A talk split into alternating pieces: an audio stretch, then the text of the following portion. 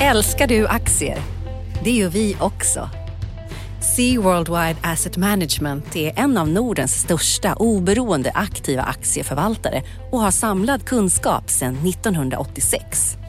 Ta del av vår kunskap på seaworldwide.se. Bokstaven C, worldwide.se.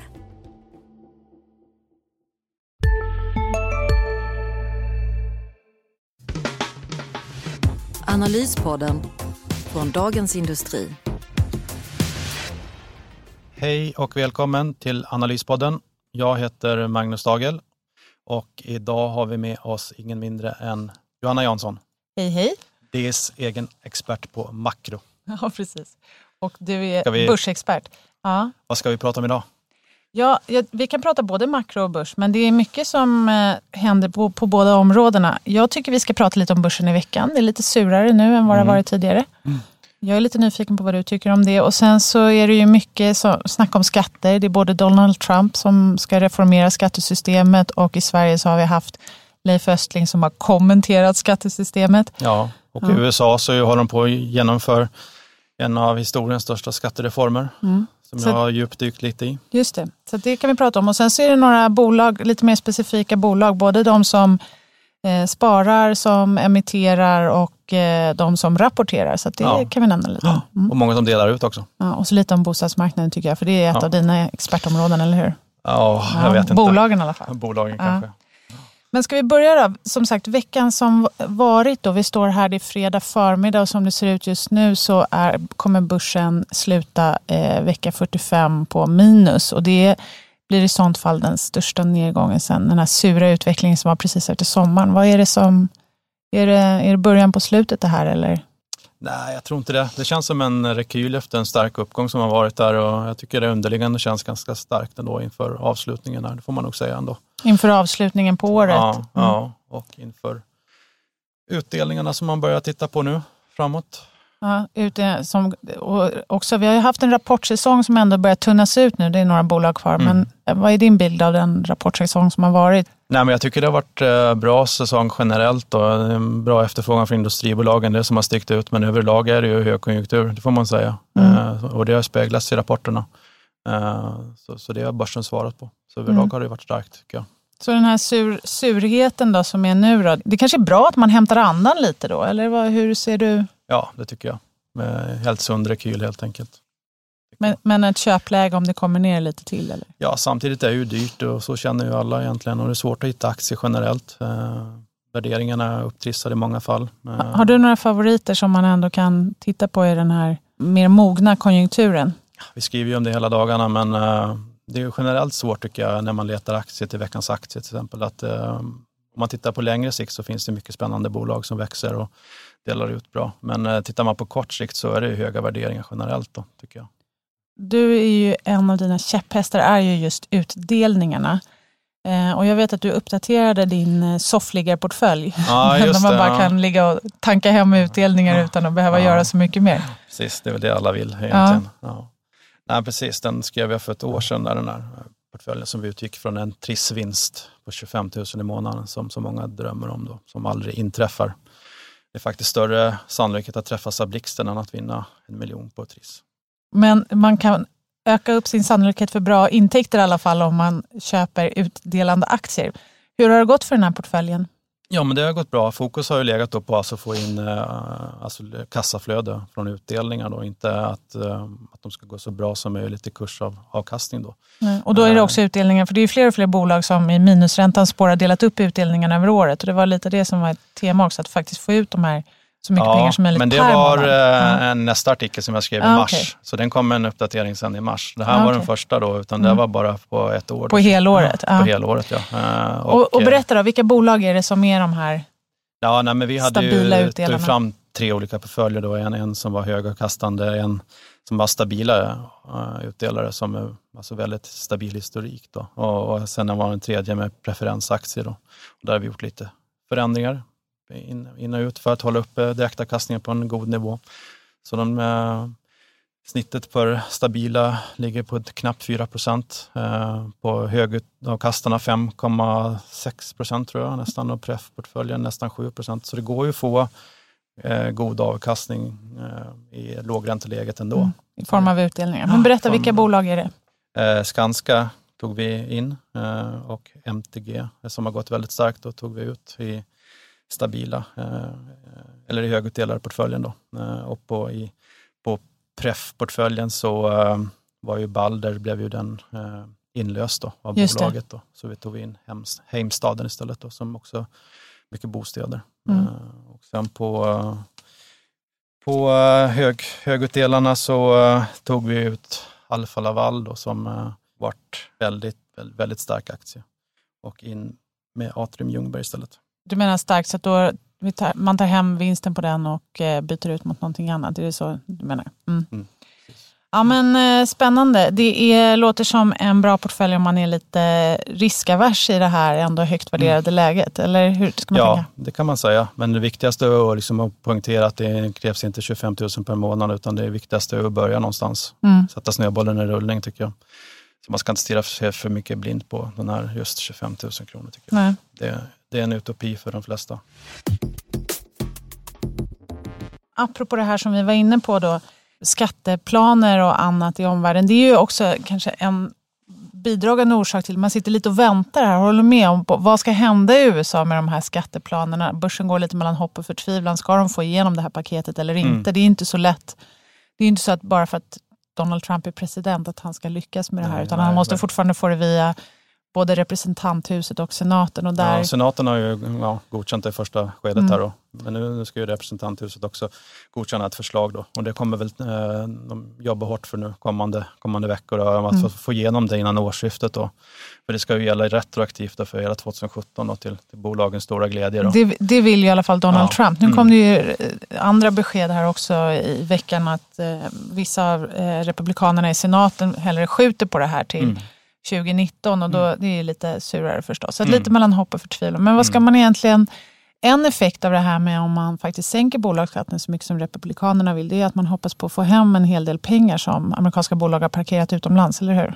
Ja, och det har blivit ett helt absurt system eh, för Amerika. Amerika är ju ett av få länder i världen som har ett globalt skattesystem, alltså att man att bolag, dotterbolag som de har runt om i världen, amerikanska bolag, de måste alltså skatta för alla intäkter som de har genererat. Så är det inte för alltså vanliga svenska multinationella bolag, utan skattar man i det landet man eh, har tjänat pengarna i. Så det har ju gjort att eh, bolagen då samlat på sig enorma belopp utomlands. Eh, fem gånger den svenska BNP ungefär ligger i kontanter från ut, utomlands från USA då, mm. som man inte kunnat föra in utan att bli beskattade en mm. extra gång. Då. Därför de skattar då redan i... Ja. Mm. Mm. Fast lite då. Många Fast har ju fört, till exempel fört över till Irland då, det som ett ett europeiskt skatteparadis. Och det har ju fått konsekvenserna då att eh, till exempel Apple har ju 269 miljarder dollar eh, i kassan och det mesta ligger utomlands. Då. Och så är det för alla de här stora bolagen. Och det är ju unikt i världshistorien att det har blivit så tycker jag. Och det är någonting som man eh, bör uppmärksamma mer. Att vi har skrivit, Andreas Cervenka har skrivit mycket om de här techbolagen. Vår, vår man i Silicon Valley. Ja, vår man i Silicon Valley. Han har skrivit mycket om just den makten som har, de här bolagen har över konsumenterna. Eh, och eh, nu har de också den ekonomiska makten med enorma kassatillgångar. Som man, och det är också unikt i världshistorien tycker jag. Så det är värt att uppmärksamma. Men är det så unikt på ett sätt? Alltså jag tänker att det som vi ser nu med den här hela digitaliseringstrenden och sådär, det är ju en typ av strukturell revolution som man lätt säger på ekonomspråk. Men det är en mm. väldig omvälvning och det kommer ut bolag som blir de som är först på banan med ny teknik och så där, de blir nästan till monopolister och mm. kan ta ut kan tjäna mycket pengar på det här. Men det, har ju, det är inte första gången egentligen. Nej, inte på det sättet. Nej. Men just att de har byggt upp sådana enorma ja, kassatillgångar mm. utomlands. Eh, det tycker jag är unikt. Det, det ger dem som stor makt också. Mm. Eh, att kunna använda på, ja, så till, till advokater och PR-konsulter och liknande. Att stärka sin ställning. Men om man jämför med historien och tänker sig att man tänker tillbaka på tidigare industriella revolutioner, till exempel ja. sekelskiftet 1800-1900 eller ja, 1700-1800. Och Rockefeller och Standard Oil, där att eh, de fick ju också en otrolig makt eh, över slutkonsumenterna. Oljebaronerna Olje, som tjänade ja. massor med pengar. Så där gick ju, var tvungna amerikanska staten att bryta upp Standard Oil då för att och bröt upp det i olika delar då till slut för att de fick så stor makt. Då.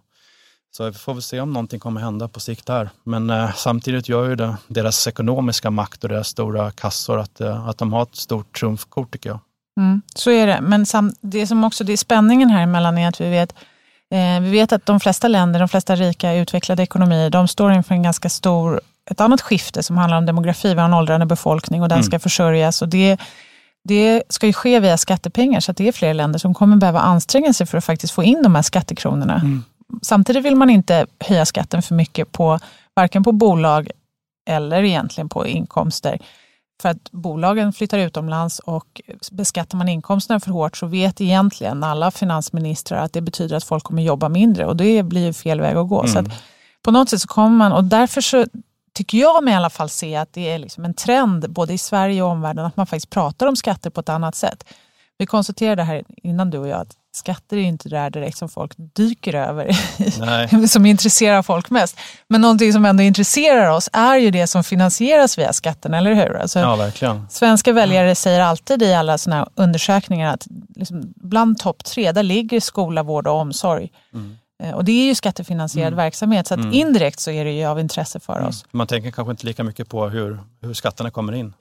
Sen har det varit liksom ett olyckligt uttalande från Leif Östling här när han frågade vad fan får jag för mina skattepengar? Mm. Men om han kan få folk att faktiskt prata om det här på ett eh, ja, intressera sig mer för så här, vad, vad är det hälften av våra inkomster faktiskt går till i. Sverige? Mm. Och används pengarna rätt, ja, men då är det ju bara att tacka och ta emot. Då ska vi vara glada att den här debatten kommer. Särskilt så här lägligt ett år innan det svenska valet, att vi Mm. faktiskt pratar om det istället för något annat. Mm. Att, ehm, Och det skriver du mer om i lördagens Precis, tidning det skriver jag om i lördagens tidning. Då har jag grottat ner mig lite också för att jag ville veta själv mer så här, vad, faktiskt, vad, vad fan får jag? Och, eh, Ja. och, Får man någonting? Vad, vad kommer du fram till? Ja, alltså precis. Det jag kommer fram till, det blir lite så här olyckligt man, tycker jag, när man pratar om det här. Att man, för vad jag ville se, se och ta reda på var lite också, hur- hur ser budgeten ut? Vad går pengarna Sista dagarna nu på vårens stora season sale. Passa på att göra sommarfint hemma, både inne och ute. Och fynda till fantastiska priser. Måndagen den 6 maj avslutar vi med Kvällsöppet i 21. Välkommen till Mio. CSRD. Ännu en förkortning som väcker känslor hos företagare. Men lugn, våra rådgivare här på PWC har koll på det som din verksamhet berörs av.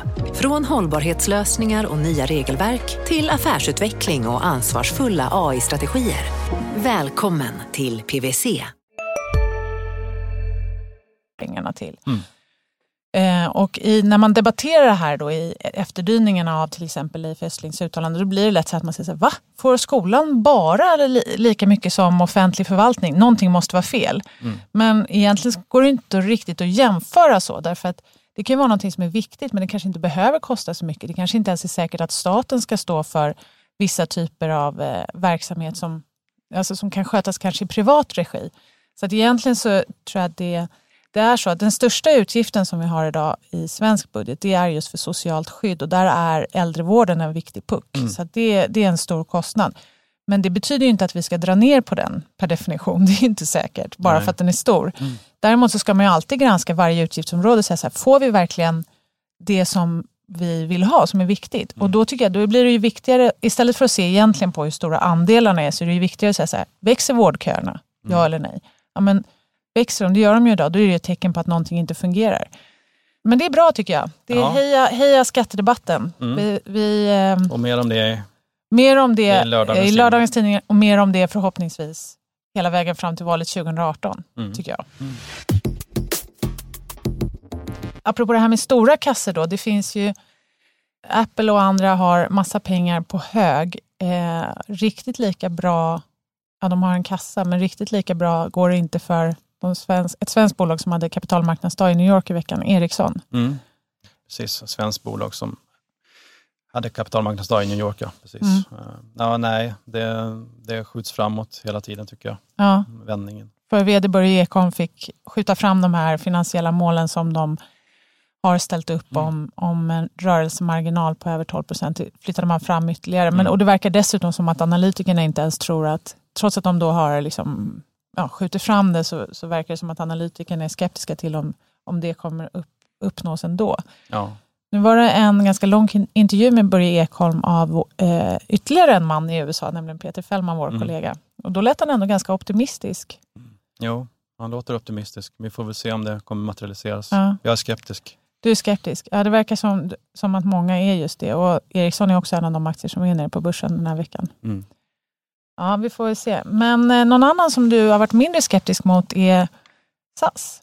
Ja, jag skrev lite om SAS ja, efter nyemissionen där som de gjorde. Eh, I onsdags kväll väldigt snabbt. Eh, de utökade till och med till 1,25 miljarder. Då. Det är starkt intresse. Mm. Och SAS har gjort en remarkabel turnaround tycker jag från eh, miljardförluster nu till, till miljardvinster. Även om historien förskräcker och så, så verkar den komma på mera stabil nivå nu. Då.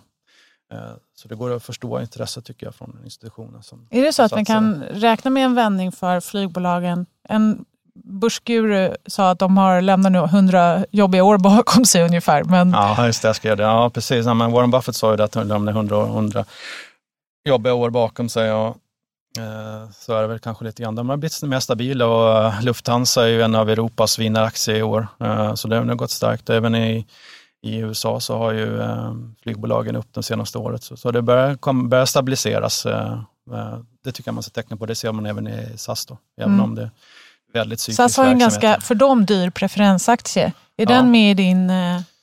Ja, den var portfölj. med och nu kommer de ju att köpa tillbaka den. De kommer använda nyemissionen då för att köpa till, ja, lösa, lösa tillbaka den i vår. Då. Mm. Hur ska man tänka då om man har, om man har de aktierna? Ska man... Ja, antingen behåller man dem till de, eh, till de löser in den i vår då. Eh, Eller så får man en utdelning till i februari. Då. Det får man välja själv. Eh, om man vill byta den redan nu eller hur man vill göra. Men den, det har varit ett bra instrument. Det har gett bra avkastning i förhållande till risken i bolaget tycker jag. Den har varit nästan 9 procent i årstakt. Men om man vill ta ner risken kan man byta till några av de andra preferensaktierna. Just det, du nämnde Heimstaden. Vad finns det, vad finns det för mera, mera som man kan tänka på då om man vill ha lite högre, högre avkastning? Ja, det finns, jag tycker man framförallt ska rikta in sig på eh, fastighetsbolagen de med låg risk. Eh, De preferensaktierna. De ger lite lägre avkastning men eh, risken är av- avsevärt lägre. De, framförallt de med mycket bostäder. Då. Man ska, Som? Ja, Akelius har ju bara bostäder. Heimstaden till exempel har bara bostäder. Där är risken låg. Bostäder är ju annars liksom, får ju folk att ja, rynka lite på näsan just nu, eller hur? Mm. Alltså Ja, det är ju är nervöst kring bostadsmarknaden, Mm. men du tycker, det är ändå, du tycker ändå att man vågar gå in i de här... Ja, här måste man skilja på, det här är Mm. hyresbostäder alltså, och det är en väldigt diametral skillnad liksom, eh, mellan äga hyresbostäder och eh, bygga bostadsrätter. Det, är en, Mm. eh, liksom, det, det är helt olika riskspektrat tycker jag. Så mellan bygga bostadsrätter i Stockholm, hög, hög risk, det är bland det högsta man, risken man kan hålla på med tycker jag. I varje fall vissa fall. Eh, Och eh, äga Och syns också i- bostadsfastigheter, ja. hyreshus är låg risk. Mm. Och den risken syns ju också i aktiekurserna för de bolag som håller på just med bostadsrätt eller bostadsutveckling. Till Ja. exempel Oscar Properties och andra som Ja. har fått ordentligt med det. stryk. Jag tyckte eh, minst ett år att eh, marknaden har inte riktigt sett igenom risken där. Både om man tittar på deras preferensaktier, obligationer och eh, även på deras stamnoterade stamaktier så har man bara sett potentialen och möjligheterna. Inte Men det är det så att vi drar för mycket av bostadsmarknaden över en kam när det skrivs om det här? Tycker du? Jo, det, så är det ju. Man eh, måste separera det. Äga hyreshus, eh, det är en väldigt stor skillnad mot att bygga bostäder. Bo- Bygga, Bygger hyr- bostadsrätter, ja. Ja, Mm. bostadsrätter, framförallt i storstäderna. Då. Mm. Så det, där är det stor risk tycker jag. Mm. Det är ju himla intressant ändå.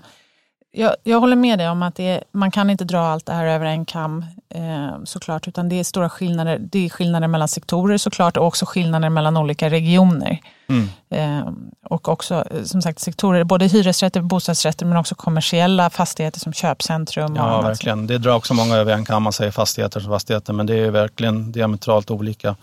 Kommersiella fastigheter har byggts, eh, alltså kontor har byggts alldeles för lite av i Sverige. När hela ja, Byggsverige har helt enkelt ställt om mycket av produktionen till, till bostäder just. Och mycket, mycket bostadsrätter just.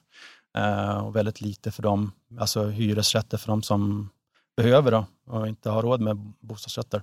Så det, det har blivit ett, eh, ett lite konstigt skifte där. Eh, och I Stockholm till exempel har det byggts väldigt lite kontor. Det gör att vakansgraden är nere på rekordlåga nivåer som är ungefär i IT-håsen där. Mm, 2%. och hyrorna är på ja, väg. Och det pressar upp hyrorna kraftigt. Mm. Eh, Så det, det, det har blivit lite konstiga effekter av den. här. Ja, det byggs eh, en del ja. ja. Men till exempel men det är för lite kontor och framförallt för lite samhällsfastigheter då, som, som simhallar och polishus och liknande. Det blir ju apropå just eh, bostadsmarknaden, om vi blickar framåt mot nästa vecka så kommer ju Finansinspektionen ska pressträffa på måndag om sitt förslag om ett nytt amorteringskrav. Ja, det ju blir bli- väldigt intressant. Vad, vad tänker du kring det? För det finns ju... Jag har också tyckt länge att man...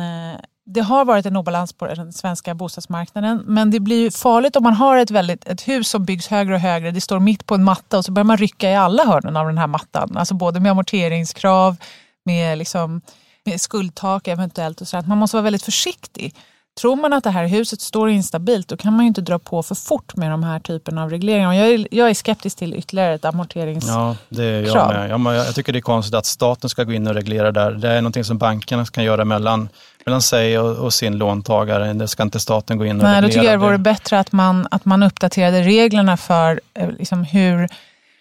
Att man tvingar in bankerna till att eh, ta på sig mer risk när de lånar ut till, bos- till bostadsköpare. För som det är nu så är ju den svenska skuldlagstiftningen sådan att det är väldigt liten risk för bankerna att låna ut till bostäder. Och det vore bättre att reglera det istället för att man liksom lägger ett nät på alla alla bostadsköpare. För det blir ju också svårt för, för unga personer att komma in på bostadsmarknaden. Liksom sett över en livscykel så är det naturligt att man har höga lån i början och sen ska man beta av det vartefter. Varför ska man ställa samma krav på någon som är 20 och 70 när man tar känns ett bostadslån? Ja, det känns konstigt. Nej, politikerna känns väldigt konstiga generellt. De gör, de gör inte de regleringar som skulle behövas på bostadsmarknaden. Nej. Till exempel eh, kanske luckra upp hyreslagstiftningen bättre. Ja, Eh, heja, ja, heja. ja. Det tycker jag. Och jag hörde i morse... Och ränteavdragen framförallt måste man se över. Istället så gör man de här konstiga reglerna. Så det, ja. Men det är känsligt. I morse så lyssnade jag på P1, Ring P1 och då var just eh, temat att hyrorna är så höga för många pensionärer. Jag tror ju att, tycker jag också att det är konstigt att man ska betala lika mycket för en hyresrätt i ja, Visby som i Stockholms innerstad. Det Just Visby tycker jag man ska betala bra. ja, det är sant. Ni hör det på Magnus dialekt. Att, nej, det är klart, Visby var ett dåligt exempel kanske. Alla vill vara på Gotland. Det är mest soltimmar där. Det, Ja, man, det, det, borde man betala för kanske. Men om man också blickar framåt eh, för nästa vecka. Det finns en del efter, efter rapporterna så kommer någonting annat som är kul att följa. Kapitalmarknadsdagar. Då har vi också Atlas på tisdag. Vi har ett lite mindre bolag, Doro då också och Assa Mm. på onsdag. Är det någonting du kommer hålla särskilt utkik för? Eller är det... Nej, jag tycker det är inte något speciellt faktiskt. Jag kommer skriva fler artiklar nästa vecka. Mm, det Fokusera bra. på det. Och du har plockat ut Assa ur portföljen så då sl- slipper du just den här som vi pratade om tidigare. Behöver- Nej, det var Alfa Laval. Alfa Laval var det, förlåt. Nej, det gäller att inte blanda ihop Ana här. Nej. Nej, det är bra. Atlas på tisdag i alla fall, eh, Assa på onsdag. Och sen en del rapporter, ytterligare ett A då, som vi inte ska blanda ihop här. Ambea Ja, kommer med rapport och också ett annat, på B, Björn Borg. exakt, på B, Björn Borg. Eh, inget välfärdsbolag. Nej, nu ska men, vi inte ta hela alfabetet här. Nej, men Engelska skolan också. Mm. Ytterligare ett välfärdsbolag på, to- eh, på fredag. Sen är det, apropå det som vi pratade om tidigare med skatter och internationella flöden och annat, så håller regeringen toppmöte i Göteborg om inkluderande tillväxt och kommer ta dit en del högdjur på. Mm. Det blir nog också intressant att följa för de som Mm. är intresserade av politik och Just nästa ekonomi. vecka. Och på måndag kommer beskedet då från Finansinspektionen. ja, om de kommer driva igenom det här förslaget och Precis. om de kommer bli överkörda av regeringen. Mm. Vilket mycket tyder på, eller hur? Ja, kanske. Och det är ju liksom ett, lite av ett maktspel här för att Finansinspektionens generaldirektör Erik Thedéen har gått ut hårt och stött det här Mm. amorteringskravet. Får vi se om man får igenom det. Jag hoppas ju inte det. Nej, inte Eh, jag heller. Inte för, inte, inte för honom personligen så, utan mest bara för att jag tror att det är en dålig idé. Mm. När det ändå är lite skakigt på bostadsmarknaden. Så där. Ja, eh, apropå Spännande vecka. bostadsmarknaden, eh, spännande vecka så får vi också eh, boprisstatistik från både Value Guard och mäklarstatistik. Så det är lite tema bostadsmarknad då, Mm. veckan som kommer. Ja, men vad bra. Då eh, passar vi på inför denna späckade vecka önska en trevlig helg. Mm, det gör vi. Trevlig helg. Analyspodden från Dagens Industri. Podden redigerades av Umami Produktion. Ansvarig utgivare Lotta Edling.